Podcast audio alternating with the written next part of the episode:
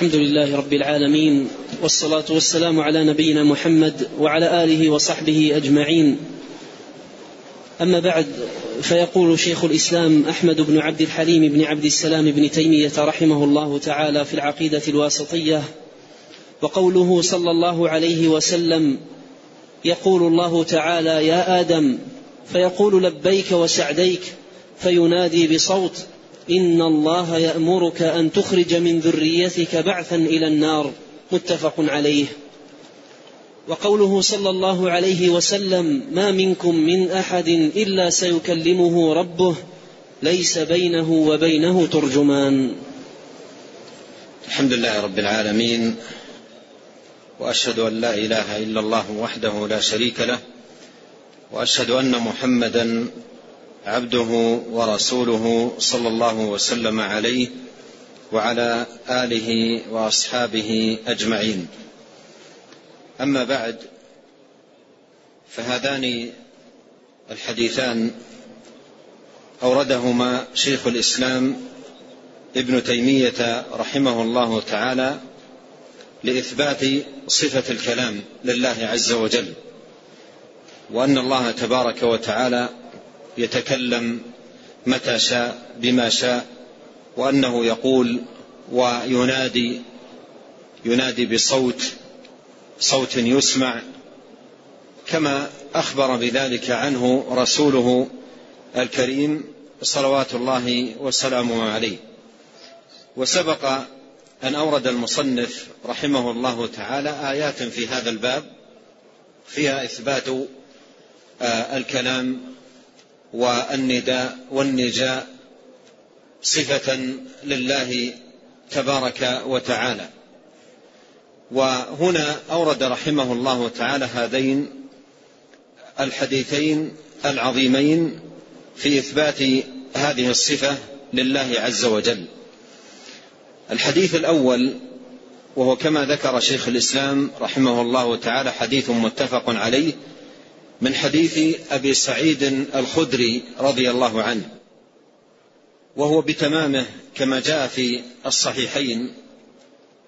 من حديث أبي سعيد قال قال النبي صلى الله عليه وسلم يقول الله عز وجل يوم القيامة يا آدم يقول لبيك ربنا وسعديك فينادي بصوت إن الله يأمرك أن, أن تخرج من ذريتك بعثا إلى النار. قال يا رب وما بعث النار؟ قال من كل ألف تسعمائة وتسعة وتسعين. من كل ألف تسعمائة وتسعة وتسعين.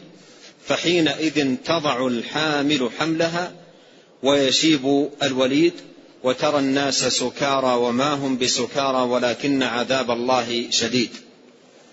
فشق ذلكم شق ذلك على الناس حتى تغيرت وجوههم.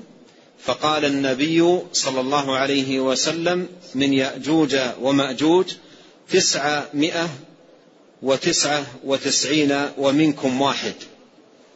ثم أنتم في الناس كالشعرة السوداء في جنب الثور الأبيض أو كالشعرة البيضاء في جنب الثور الأسود. وإني لأرجو أن تكونوا ربع أهل الجنة فكبرنا ثم قال ثلث أهل الجنة فكبرنا ثم قال شطر أي نصف أهل الجنة فكبرنا. فهذا الحديث اقتصر المصنف رحمه الله تعالى على إيراد موضع الشاهد منه وهو إثبات النداء لله عز وجل. وأن الله ينادي ونداؤه بصوت يسمع. فآدم يناديه الله سبحانه وتعالى يا آدم هكذا يقول رب العالمين ويسمع آدم من الله جل شأنه نداءه. ولهذا يقول لبيك ربنا وسعديك. يسمع نداء الله من الله فيقول لبيك ربنا وسعديك. وهذا استجابة من آدم عليه السلام لرب العزة جل شأنه. وآدم أو يا آدم هذا نداء. والنداء لا يكون إلا بصوت. ثم هو مكون من حروف ياء وألف وآ ودال وميم مكون من حروف. فكلام الله سبحانه وتعالى بحرف وصوت. كلام الله جل وعلا بحرف وصوت صوت يسمع يسمعه آدم. فيجيب نداء ربه جل شأنه قائلا لبيك ربنا وسعديك. إذا من عقيدة أهل السنة ومن الإيمان بالله سبحانه وتعالى أن نثبت الكلام صفة لله وأنه يقول ويتكلم وينادي ويناجي كيف شاء متى شاء. وهذا النداء الذي يناديه رب العالمين وهو خطاب موجه لآدم أبي البشر يقول الله سبحانه وتعالى فيه لآدم يا آدم فيقول آدم لبيك ربنا وسعديك ولبيك هي من ألب في المكان أي أقام فيه, أقام فيه وهي تعني الاستجابة. والطواعية والامتثال. فلبيك معناها أنا مطيع أمرك مستجيب لندائك. قائم بما أمرتني به. لبيك وسعديك. سعديك من الإسعاد وهو المطاوعة. أي أنا مطيع وممتثل. استجابة من بعد استجابة وطاعة من بعد طاعة. ففيه التلبية والاستجابة لنداء الله تبارك وتعالى. لبيك ربنا لأن الذي ناداه رب العالمين. لأن الذي ناداه هو رب العالمين فيقول لبيك ربنا وسعديك. فيقول الله سبحانه وتعالى فينادي سبحانه وتعالى بصوت فينادي بصوت. قوله ينادي بصوت النداء لا يكون إلا بصوت. فجاءت كلمة بصوت تاكيدا لهذا الأمر. تاكيدا لهذا الأمر. ولو لم تأتي لأثبتنا الصوت. لأن النداء لا يكون إلا بصوت. النداء لا يكون إلا بصوت. فمجيء هذه الكلمة من أجل التأكيد تأكيد المعنى. مثل ما مر معنا وكلم الله موسى تكليما. فتكليما جاءت للتأكيد. وإلا فإن ثبوت الكلام لله سبحانه وتعالى آه، بقوله كلم الله فجاءت هذه الكلمة تاكيدا.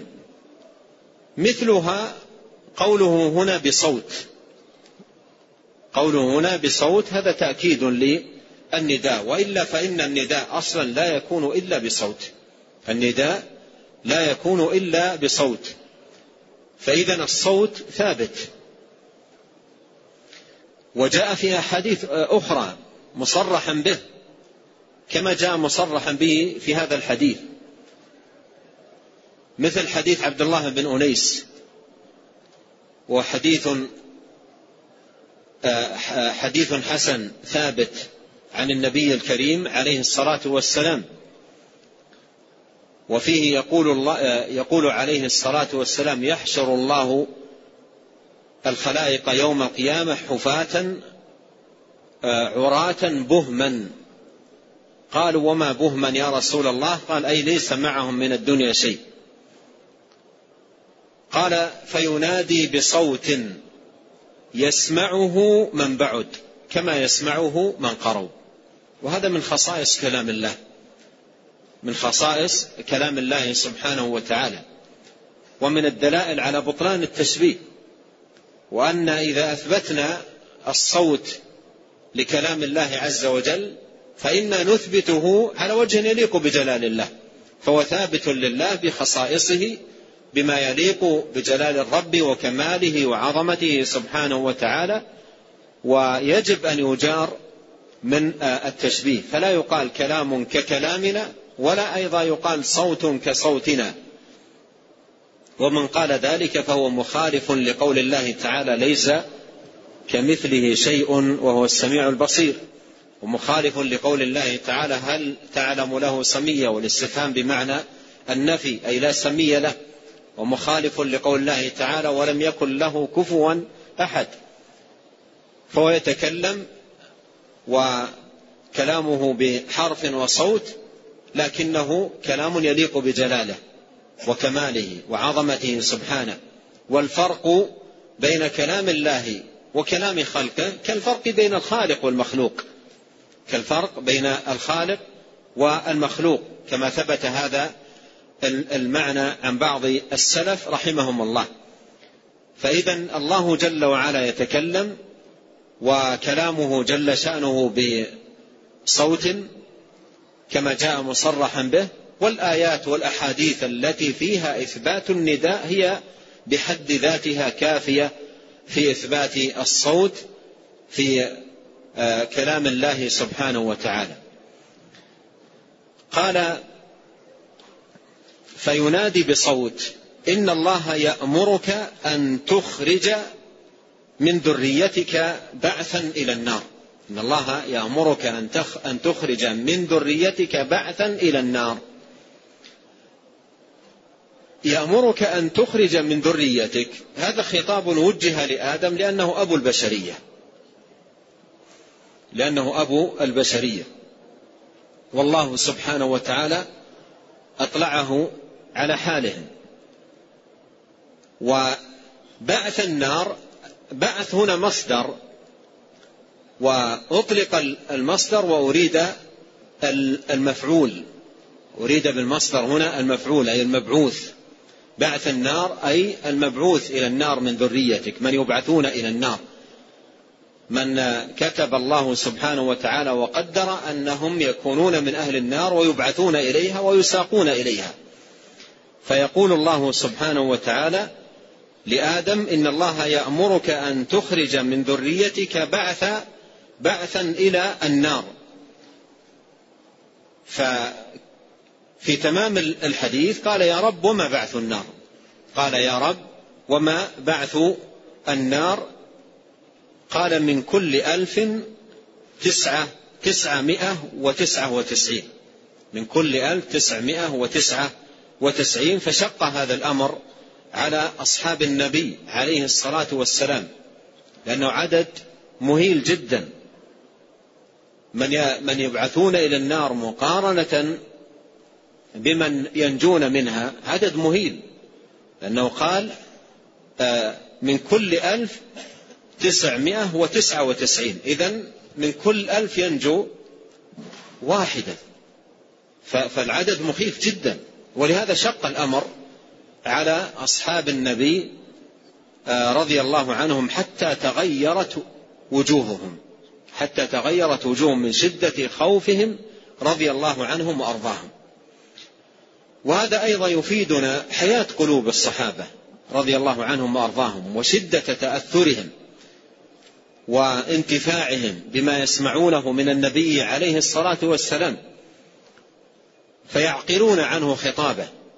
بينما كثير من الناس يسمعون خطاب النبي عليه الصلاة والسلام وكأن الأمر لا يعنيهم. وكأن الأمر لا يعنيهم وكأن الأمر لا لا يخصهم ولا يتناولهم. فالصحابة رضي الله عنهم لما سمعوا ذلك شق ذلك الأمر عليهم وتغيرت وجوههم رضي الله عنهم وأرضاهم. فقال النبي عليه الصلاة والسلام لما رأى في وجوه الصحابة من تغير وأن الأمر قد شق عليهم رضي الله عنهم وأرضاهم قال النبي عليه الصلاة والسلام من يأجوج ومأجوج تسعمائة وتسعة وتسعين ومنكم واحد. ومنكم واحد. وهذا فيه إشارة إلى عدد هاتين القبيلتين وهما من بني آدم كما يدل على ذلكم هذا الحديث. الحديث صريح في أن يأجوج ومأجوج من ذرية آدم وأنهما قبيلتان من ذرية آدم عليه السلام. وأن عددهم عدد كبير كما يدل على ذلكم هذا آه، الحديث عن نبينا صلوات الله وسلامه عليه. ثم قال أنتم في الناس كالشعرة السوداء في جنب الثور الأبيض أو كالشعرة البيضاء في جنب الثور الأسود. ثم قال وإني لأرجو أن تكونوا ربع أهل الجنة.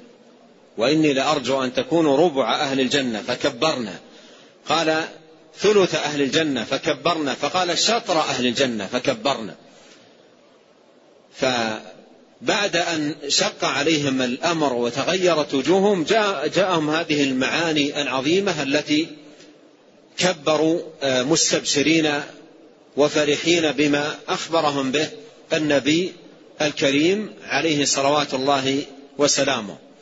الشاهد من هذا الحديث إثبات النداء صفة لله وأن الله يقول يتكلم جل شأنه متى شاء. والحديث واضح أيضا أن كلام الله سبحانه وتعالى متعلق بمشيئته فهذا كلام يكلمه الله أو يخاطب الله سبحانه وتعالى به آدم. يقول له أخرج إن الله يأمرك أن أن تخرج بعث النار. فالكلام ثابت لله عز وجل والنداء ثابت وكلام الله بحرف وصوت وقد دل على ذلك كتاب الله وسنة نبيه الكريم صلوات الله وسلامه عليه. ثم أورد رحمه الله تعالى حديثا آخر في الصحيحين من حديث عدي بن حاتم رضي الله عنه قال قال رسول الله صلى الله عليه وسلم ما منكم من أحد إلا سيكلمه ربه إلا سيكلمه ربه ليس بينه وبينه ترجمان. تمام الحديث في الصحيحين فينظر أيمن منه فلا يرى إلا ما قدم. من عمله وينظر أشأم منه فلا يرى إلا ما قدم وينظر بين يديه فلا يرى إلا النار تلقاء وجهه فاتقوا النار ولو بشق تمرة فاتقوا النار ولو بشق تمرة. وجاء في بعض روايات الحديث والنبي صلى الله عليه وسلم لما قال تلقاء وجهه شاح بوجهه كأنه يرى النار عليه الصلاة والسلام امامه أمام ناظريه صلى الله عليه وسلم فشاح بوجهه صلى الله عليه وسلم. وكان ناصحا أمينا عليه الصلاة والسلام حذر وانذر وبين وبلغ البلاغ المبين. وكان حريص على أمته أشد الحرص صلوات الله وسلامه عليه.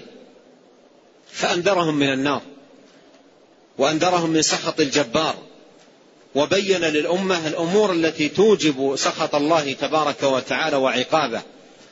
بين ذلكم كله عليه الصلاة والسلام أتم البيان وأوفاه صلى الله عليه وسلم. وهذا الحديث من جملة الأحاديث التي فيها التخويف من النار والدعوة للاستعداد للقاء الله سبحانه وتعالى قال ما منكم من أحد إلا سيكلمه ربه. وهذا فيه إثبات الكلام صفة لله وهو موضع الشاهد من سياق الحديث للترجمة. إثبات الكلام صفة لله جل وعلا سيكلمه ربه. فالله سبحانه وتعالى يتكلم متى شاء بما شاء ويوم القيامة ما من أحد إلا ويكلمه ربه جل وعلا إلا سيكلمه ربه ليس بينه وبينه ترجمان. والترجمان كما لا يخفى من ينقل الكلام من ينقل الكلام من لغة إلى لغة مفهما المنقول إليه الكلام الخطاب الذي خطب به. فالترجمان ينقل الكلام مفهما لمن ينقل إليه الكلام بلغته المعنى المراد. والمقصود بهذا الكلام لا ينقله بحروفه له بلغة المتكلم وإنما ينقله بلغة السامع المنقول إليه الكلام مفهما له ذلك. فإذا لما قال عليه الصلاة والسلام ليس بينه وبينه ترجمان ماذا تعني؟ تعني أنه يسمع كلام الله سبحانه وتعالى من الله ويفهمه. ويفهمه. ليس بينه وبينه ترجمان يعني لا يحتاج أو لا ينقل الكلام إليه نقلا ولا يكون هناك واسطة. واسطة يبلغ الكلام ويوضح الكلام وإنما يسمع المسلم كلام الله من الله سبحانه وتعالى بلا ترجمان بلا, بلا ترجمان ولا, ولا واسطة بينه وبين الله سبحانه وتعالى. قال ما منكم. والخطاب هنا للصحبة الكرام رضي الله عنهم وهو يتناول من اتبعهم واقتفى أثرهم رضي الله عنهم وأرضاهم قال ما منكم من أحد إلا سيكلمه ربه ليس بينه وبينه ترجمان. ثم يصف الحال في ذلك اليوم وأن النار تلقاء وجه الإنسان. وقد قال الله تعالى وإن منكم إلا واردها. وإن منكم إلا واردها كان على ربك حتما مقضيا. ثم ننجي الذين اتقوا ونذر الظالمين فيها جثيا. فالنار تكون تلقاء وجه الإنسان يوم آه، القيامة. يقول عليه الصلاة والسلام فينظر أيمن منه فلا يرى إلا ما قدم من عمله. وينظر أشأم منه فلا يرى إلا ما قدم من عمله. قيل في شرحه آه، ما ينظر إليه أيمن منه عمله الصالح وما ينظر إليه أشأم منه عمله السيء. فعندما يلتفت يمينا ويسارا لا يرى إلا عمله. لا يرى إلا عمله. وهذا يبين خطورة العمل في ذلك اليوم. إما نجاة للعبد أو خسرانا والعياذ بالله. إما نجاة للعبد أو خسرانا. فلا يجد في ذلك آه، المقام إلا ما قدم من عمل. إلا ما قدم من عمل. فإن كان الذي قدمه عملا صالحا وجد ثوابه وأجره وإن كان والعياذ بالله عملا سيئا وجد عقابه ووزره فلا يجد إلا ما قدم. قال فينظر أيمن منه فلا يرى إلا ما قدم من عمله وينظر أشأم منه فلا يرى إلا ما قدم وينظر بين يديه أي أمامه فلا يرى إلا النار. تلقاء وجهه. فلا يرى إلا النار تلقاء وجهه. والطريق إلى الجنة لا يكون إلا بعبور النار عبر الصراط الذي ينصب على متن جهنم. والمراد بالورود في, في الآية الكريمة وإن منكم إلا واردها المرور على الصراط. المرور على الصراط والعبور عليه. ولهذا كان الناس في عبورهم كان أهل الإيمان في عبورهم على الصراط الذي ينصب على متن جهنم متفاوتا. حسب أعمالهم فمنهم من يمر كالبرق ومنهم من يمر كالريح ومنهم من يمر ك أجاويد الخيل وكركاب الإبل منهم من يمر جريا منهم من يمر مشيا منهم من يمر زحفا ومنهم من يكردس. نسأل الله عز وجل العافية والسلامة في نار جهنم. فينظر أمامه فلا يرى تلقاء وجهه بين يديه إلا النار. لا يرى إلا النار تلقاء وجهه. ثم يدعو عليه الصلاة والسلام ناصحا لأمته يدعوهم لاتقاء النار. وقد قال الله في القرآن يا أيها الذين آمنوا قوا أنفسكم وأهليكم نارا وقودها الناس والحجارة. عليها ملائكة غلاظ شداد لا يعصون الله ما أمرهم ويفعلون. ما يؤمرون. فيدعو عليه الصلاة والسلام إلى اتقاء النار. ومعنى اتقاء النار أي تجعل بينك وبين النار وقاية. بطاعة الله والبعد عن معاصيه. بطاعة الله وفعل ما أمر والبعد عن معاصيه سبحانه وتعالى. فهذا هو الذي يقي العبد بإذن الله تبارك وتعالى من النار. قال فاتقوا النار. فاتقوا النار. أي اجعلوا بينكم وبين النار وقاية يوم تلقون الله سبحانه وتعالى. اجعلوا بينكم وبين النار وقاية. قال ولو بشق تمرة. ولا ولو بشق تمرة. يعني لا تستقل من العمل أي شيء. ولو كان عملا قليلا. لا تحتقر من المعروف شيئا. لا تحقرن من المعروف شيئا. فالله سبحانه وتعالى يقبل العمل الصالح والنفقة الصالحة وإن قلت. وقد جاء في الحديث وهو في الصحيحين عن النبي صلى الله عليه وسلم قال إن الله طيب لا يقبل إلا طيبا وإن العبد إذا تصدق بعدل تمرة. تصدق بعدل تمره. أخذها الله سبحانه وتعالى وتلقاها بيمينه فيربيها له. فيربيها له كما يربي أحدكم فلوة. فيربيها له كما يربي أحدكم فلوة. والفلو هو صغير الخير كما يربي أحدكم فلوة أو قال فصيلة حتى تكون يوم القيامة مثل الجبل. تمرة. أو عدل تمره تمرة أو ما يعادل تمره تكون يوم القيامة مثل الجبل. يربيها له ينميها له كما يربي أحدكم فلوة أو قال فصيلة. والفصيل صغار الخيل. وحدد صغار الخيل لأن أهل الخيل لهم مع صغار الخيل شأن عجب. أهل الخيل واسألوهم إن شئتم. لهم مع الخيل شأن عجب. في تعهدها وتربيتها وتفقدها ورعايتها. قال كما يربي أحدكم فلوة أو فصيلة حتى تكون يوم القيامة مثل الجبل فالإنسان لا يحقر من المعروف شيئا. لا يحقر من المعروف شيئا. وإن قل وإن كان قليلا. قد قد قد تتصدق بريال واحد ويغلب الريال واحد الواحد مليون ريال. قد تتصدق بريال واحد والآخر يتصدق بمليون ريال وريالك يغلب المليون. غلب درهم ألف درهم. لأن إذا كان عند الإنسان ريالان لا يملك سواهما. ورأى محتاجا فأعطاه ريالا. يكون تصدق بنصف ماله. يكون تصدق بنصف ماله. بينما إذا كان عند الإنسان ملايين ومن عرض هذه الملايين أخرج مليون وتصدق به. لا يكون تصدق بنصف ماله.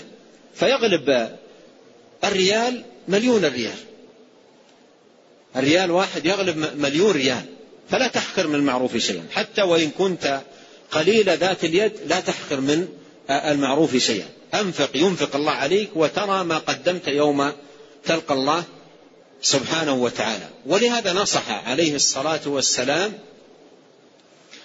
آآ آه، آآ آه، قال ولو بشق تمرة. ولو بشق تمرة. أحيانا بعض الناس يعني يريد أن يتصدق ولكن يقول ما عندي شيء كافي أو شيء جميل أو شيء جيد. فيحرم نفسه من الصدقة. ولا تدري قد يكون هذا القليل الذي تخرجه بنفس طيبة ونفس سخية يغلب ملايين الريالات. ولو بشق تمرة ولو بعون تقدمه. ولهذا قال عليه الصلاة والسلام على كل سلامة كل يوم تطلع فيه الشمس صدقة. ثم ذكر أنواع صلوات الله وسلامه عليه من الصدقات. تحمل متاع أخيك تعينه على حمل متاع على دابة صدقة. تدل آه، تائها أو ترشد ضالا هذه صدقة منك عليه فباب الصدقة آه، باب باب الصدقة واسع جدا. جاء في صحيح مسلم أن رجلا مر بغصن شجرة ذي شوك. ذي شوك. فقال والله لا أدع هذا في طريق المسلمين فيؤذيهم. فنحاه فشكر الله عمله فأدخله الجنة. غصن شوك نحاه عن طريق المسلمين. ولاحظ أيضا مقصده. قال لا أدع في طريق المسلمين. لأن ممكن أن ينحي الإنسان غصن الشوك ويقول أنا سأرجع بعد قليل لا أسقط حتى لا أسقط فيه آخر ينحي غصن شوك ليرى أناسا عن بعد يرونه فينحيه يقول حتى يمدحوني. ويثنون عليه فينحيه لهذا الغرض رياء وسمعة. بينما هذا الرجل قال لا أدع هذا في طريق المسلمين لا أدع هذا في طريق المسلمين فيؤذيهم. يعني قلبه يحمل رحمة وشفقة ومحبة خير وإحسان للمسلمين فشكر الله عمله فأدخله الجنة. لا تحقرن جارة مع جارتها ولو, ولو فرسا شاه ظلف الشاة يرمى ولا سيما في زماننا هذا. قال لا تحقرن ولو فرسا شاه فالمعروف لا يحقر المسلم منه شيئا ولو قل. وكيف يحقر منه شيئا؟ وربنا يقول فمن يعمل مثقال ذرة خيرا يرى فمن يعمل مثقال ذرة خيرا يرى. خيرا جاءت هنا منكرة في هذا السياق. والمعطي جل شأنه كريم. الذي قال خيرا يرى المعطي كريم سبحانه وتعالى جل شأنه. والعطية على قدر المعطي. والمعطي جل شأنه كريم. فلا يحقر الإنسان ولا مثقال ذرة. لا يحقرن من الخير ولا مثقال ذرة. يقدم قدموا لأنفسكم. فيحرص على أن يقدم لنفسه من الأعمال الصالحات والطاعات الزاكيات حتى إذا جاء ذلك اليوم يوم يلقى الله سبحانه وتعالى ويكلمه ربه جل شأنه ليس بينه وبينه ترجمان. فينظر آه، أيمن منه فلا يجد إلا ما قدم. ينظر آه، أشأم منه فلا يجد إلا ما قدم. وينظر آه، تلقاء وجهه فلا يرى إلا النار. والآن فرصة الإنسان ليعمل أعمالا ويقدم طاعات يتقي بها النار وسخط الجبار سبحانه وتعالى. الشاهد أن هذا الحديث والحديث الذي قبله فيهما إثبات الكلام آه، صفة لله سبحانه وتعالى والأحاديث في هذا الباب إثبات الكلام وإثبات النداء أحاديث كثيرة وأحاديث متضافرة ومتوافرة والقرآن دل على ذلك. ولهذا فأهل السنة والجماعة يثبتون الكلام صفة لله يثبتون له النداء يثبتون أن كلامه بحرف وصوت كما أخبر الصادق المصدوق عليه الصلاة والسلام. كل ذلك يثبتونه ويؤمنون به كما جاء ويمرونه كما ورد. وهذه الأحاديث وأمثالها فيها رد على مقالات أهل البدع في الكلام وهي كثيرة جدا. من جحد هذه الصفة ومن زعم أن الكلام مخلوق من المخلوقات ومن أثبت كلاما هو معنى آه، في النفس وشيء واحد قديم ليس بحرف ولا صوت. وغير ذلك من المقالات الباطلة التي ما أنزل الله تبارك وتعالى بها من سلطان. نسأل الله الكريم رب العرش العظيم أن يأخذ بنواصينا جميعا للخير وألا يكلنا إلى أنفسنا طرفة عين وأن يصلح لنا ديننا الذي هو عصمة أمرنا وأن يصلح لنا دنيانا التي فيها معاشنا وأن يصلح لنا آخرتنا التي فيها معادنا وأن يجعل الحياة زيادة لنا في كل خير والموت راحة لنا من كل شر إنه سميع الدعاء وهو أهل الرجاء وهو حسبنا ونعم الوكيل. نعم. أحسن الله إليكم وبارك فيكم ونفعنا الله بما قلتم وغفر الله لنا ولكم وللمسلمين. الأخ بعث بفائدة يقول الحديث ما من أحد إلا سيكلمه ربه ليس بينه وبينه حاجب ولا ترجمان. قال لفظة حاجب ثابتة في النسخ التي قرأت على المصنف ساقطة من النسخ الأخرى. قال ثم إن هذه اللفظة أعد, أعد هذه اللفظة. هذه اللفظة يعني حاجب. قال ثابتة في النسخ التي قرأت على المصنف ساقطة من النسخ الأخرى. ثم إنها ثابتة في صحيح البخاري في رواية الكشميهني. وجزاكم الله خيرا. جزا الله آه، أخانا على هذه الفائدة. وهي زيادة ثابتة في هذا الحديث صحيح البخاري. وأيضا ثابتة في نسخ العقيدة الواسطية لشيخ الإسلام ابن تيمية. ليس بينه حاجب ولا ترجمان. ليس بينه حاجب ولا ترجمان لأنه يلقى الله سبحانه وتعالى لا يكون بينه آه، حاجب ولا يكون أيضا بينه وبين الله سبحانه وتعالى ترجمان. نعم. أحسن الله إليكم. يسأل عن لفظة لبيك. فيما يخص الناس هل تقال إذا نودي شخص؟ آه، لبيك آه، هي بمعنى الاستجابة وتلبية النداء. معنى أنا مستجيب وملبي نداءك. فإذا نودي وقال ناداه أحد وقال لبيك بمعنى أنا مستجيب أو نعم أو مستعد لأن, تقوم لأن أقوم بما تأمرني به لا حرج فيها. نعم. أحسن أحسن الله إليكم. يقول ما معنى قول ابن القيم رحمه الله وصوته من صفات ذاته؟ آه الصوت صفة لكلام الله سبحانه وتعالى صفة لكلام الله سبحانه وتعالى والله جل شأنه كما مر آه، معنا آه، يتكلم بصوت يسمع. فالصوت صفة لكلام الله يتكلم بصوت وعرفنا أن هذه اللفظة جاء مصرحا بها في بعض الأحاديث ومن هذا الحديث الذي ساقه المصنف وكذلك حديث عبد الله بن أنيس رضي الله عنه. والآيات التي فيها إثبات النداء هي أيضا بحد ذاتها دالة على ثبوت هذه الصفة لله جل وعلا. نعم. أحسن الله إليكم. يقول كيف نجمع بين قوله صلى الله عليه وسلم ما منكم من أحد إلا سيكلمه ربه الحديث وقوله سبحانه ولا يكلمهم الله آه، قول الله سبحانه وتعالى ولا يكلمهم الله أي الكفار. ولا يكلمهم الله أي الكفار.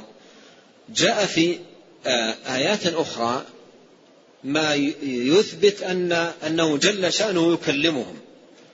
مثل قول اخسأوا فيها ولا تكلمون. هذا كلام يكلم الله به الكفار. قال اخسأوا فيها ولا تكلمون. والقاعدة أن الشيء إذا أثبت ونفي فإن المثبت غير المنفي.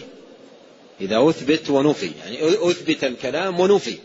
لا يكلمهم وجاء في آيات أنه يكلمهم. فالمثبت من الكلام غير المنفي. هذه قاعدة في هذا الباب. فهنا أثبت كلاما ونفى كلاما.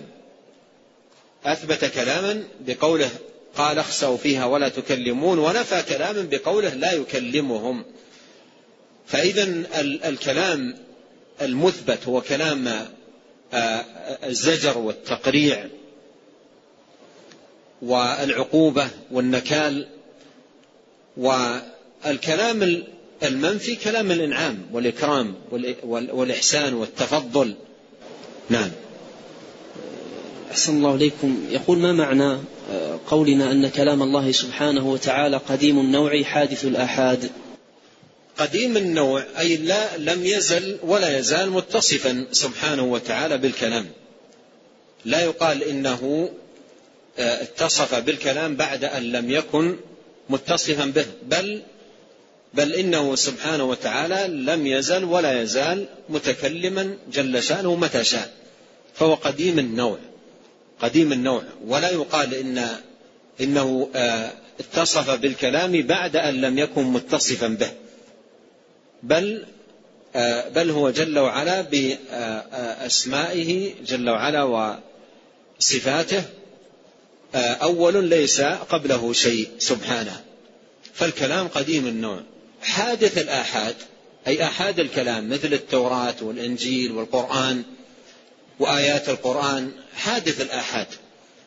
حادث الآحاد. قال الله تعالى وما يأتيهم من ذكر من ربهم محدث إلا استمعوا وهم يلعبون. محدث أي آآ آآ آآ متجدد يعني سمعوا. أولا تكلم جل شأنه بالتوراة ثم تكلم بالإنجيل ثم تكلم بالتوراة. نزول آيات القرآن وسوره فهذا معنى قوله حادث الآحاد فهو قديم النوع حادث الآحاد. نعم. أحسن الله إليكم. يقول قوله صلى الله عليه وسلم ما منكم من أحد. هل يشمل ذلك المسلمين فقط أم هو عام في الكفار؟ الأقرب أن هذا خطاب للمسلمين خطاب للصحابة آه، رضي الله عنهم وأرضاهم ومن اتبعهم بإحسان. نعم. أحسن الله إليكم. يقول هل الرجل الصالح الخضر هكذا يقول من الأحياء كمثل عيسى عليه السلام أم من الأموات؟ وهل يظهر ويتقابل مع بعض الناس دون أن يعرفوه أم لا؟ آه، الصحيح أن الخضر آه، لا يكون آه، من الأحياء بل مات بل مات. والله أعلم في بوقت وفاته لكنه قد مات. والنبي صلى الله عليه وسلم أخبر في الحديث الصحيح قال للصحابة رضي الله عنهم لا يأتي مئة سنة وتبقى نفس. يعني من النفوس الموجودة في ذلك الزمان. فلو كان الخضر موجودا إلى ذلك الوقت لا مات من جملة هؤلاء. فقد يكون مات قبل ذلك. فالله أعلم آه، متى مات لكنه آه، بعد ذلك آه، الحين الذي ذكر النبي صلى الله عليه وسلم فيقطع بأنه ميت يقطع بذلك ويجزم به وليس عند من يقول بحياته وبقائه دليل بل قوله مخالف للأدلة. نعم. أحسن الله إليكم. يقول ما معنى قوله قوله قوله صلى الله عليه وسلم اللهم اغسل حوبتنا؟ في الدعاء. حوبة الإنسان أي ما وقع منه. حوبة الإنسان ما وقع منه من خطيئة وما وقع منه من ذنب. فيطلب من الله سبحانه وتعالى أن يغسل أن يغسل ذنبه. وفي آه، آه، دعاء الاستفتاح واغسلني من خطاياي بماء الثلج والبرد. فالحوبة هي الذنب والخطيئة نعم. أحسن الله إليكم يقول قوله تعالى ليس كمثله شيء وهو السميع البصير فيها دلالة على كثرة أسماء الله فكيف توضيح ذلك؟ لأن المقام المقام مقام ثناء ومدح لله عز وجل وتنزيه له جل شأنه. ومن يقرأ الآيات من أول السورة سورة الشورى يجد كلها مقام ثناء على الله بذكر أسمائه وصفاته. في أثناء ذلك قال جل شأنه ليس كمثله شيء وهو السميع البصير. ليس كمثله شيء. المعطلة يفهمون من الآية فهما هو أبعد ما يكون يقول ليس كمثله شيء أي ليس له صفة. ليس له صفة فيجعلونها مستندا لهم في نفي الصفات. بينما لما قال ليس كمثله شيء أثبت لنفسه السمع والبصر جل وعلا. فقوله ليس كمثله شيء ليس كمثله شيء أي أنه سبحانه وتعالى له آه، النعوت الكثيرة والصفات العديدة التي تفرد بها. تفرد بها سبحانه وتعالى فلا آه، فليس له في صفاته جل وعلا آه، مثيل. نعم. أحسن الله إليكم. يقول كيف نجمع بين هذا الحديث قوله صلى الله عليه وسلم لن يدخل أحد الجنة بعمله وبين قوله تعالى تلك الجنة التي أورثتموها بما كنتم تعملون الجمع بينهما أن الباء في كل من الموضعين لها معنى. الباء في كل من الموضعين لها معنى. وعرفنا القاعدة فيما سبق. إذا أثبت الشيء ونفي فالمثبت غير المنفي. فهنا قال لن يدخل أحد الجنة بعمله. نفى ذلك عليه الصلاة والسلام. والآية ادخلوا الجنة بما كنتم تعملون. الآية فيها إثبات والحديث فيه نفي. والقاعدة أن إذا أثبت الشيء ونفي فالمثبت غير المنفي. فقوله ادخلوا الجنة بما كنتم تعملون أي بسبب أعمالكم. فالأعمال سبب جعلها الله سبحانه وتعالى سبب لدخول الجنة. كما أن الأعمال السيئة سبب لدخول النار. لكن الأعمال الصالحة آه، سبب لدخول الجنة وهذا الدخول برحمة الله. لا أن هذه الأعمال آه، تكون على سبيل المعاوضة والمقابلة. وإنما دخول الجنة بسبب الأعمال برحمة الله. ولهذا قال لن يدخل أحد الجنة بعمل أي على سبيل المقابلة. على سبيل آه، المقابلة والعوض. إلا إذا تغمد الله سبحانه وتعالى العبد برحمته. نسأل الله أن يتغمدنا أجمعين برحمته.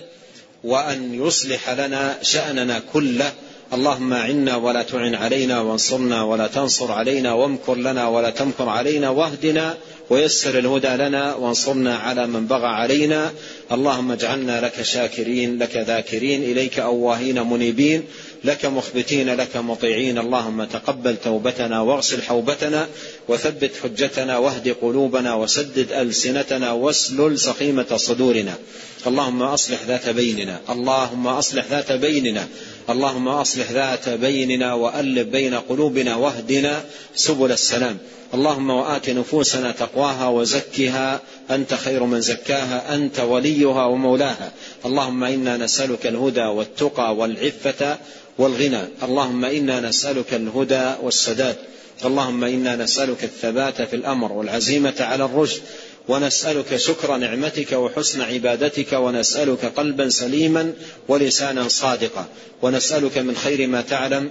ونعوذ بك من شر ما تعلم. ونستغفرك مما تعلم. إنك أنت علام الغيوب. اللهم اقسم لنا من خشيتك ما يحول بيننا وبين معاصيك ومن طاعتك ما تبلغنا به جنتك ومن اليقين ما تهون به علينا مصائب الدنيا. اللهم متعنا بأسماعنا وأبصارنا وقوتنا ما أحييتنا واجعله الوارث منا واجعل ثأرنا على من ظلمنا وانصرنا على من عادانا. ولا تجعل مصيبتنا في ديننا ولا تجعل الدنيا أكبر همنا ولا مبلغ علمنا ولا تسلط علينا من لا يرحمنا سبحانك اللهم وبحمدك أشهد أن لا إله إلا أنت أستغفرك وأتوب إليك اللهم صل وسلم على عبدك ورسولك نبينا محمد وآله وصحبه.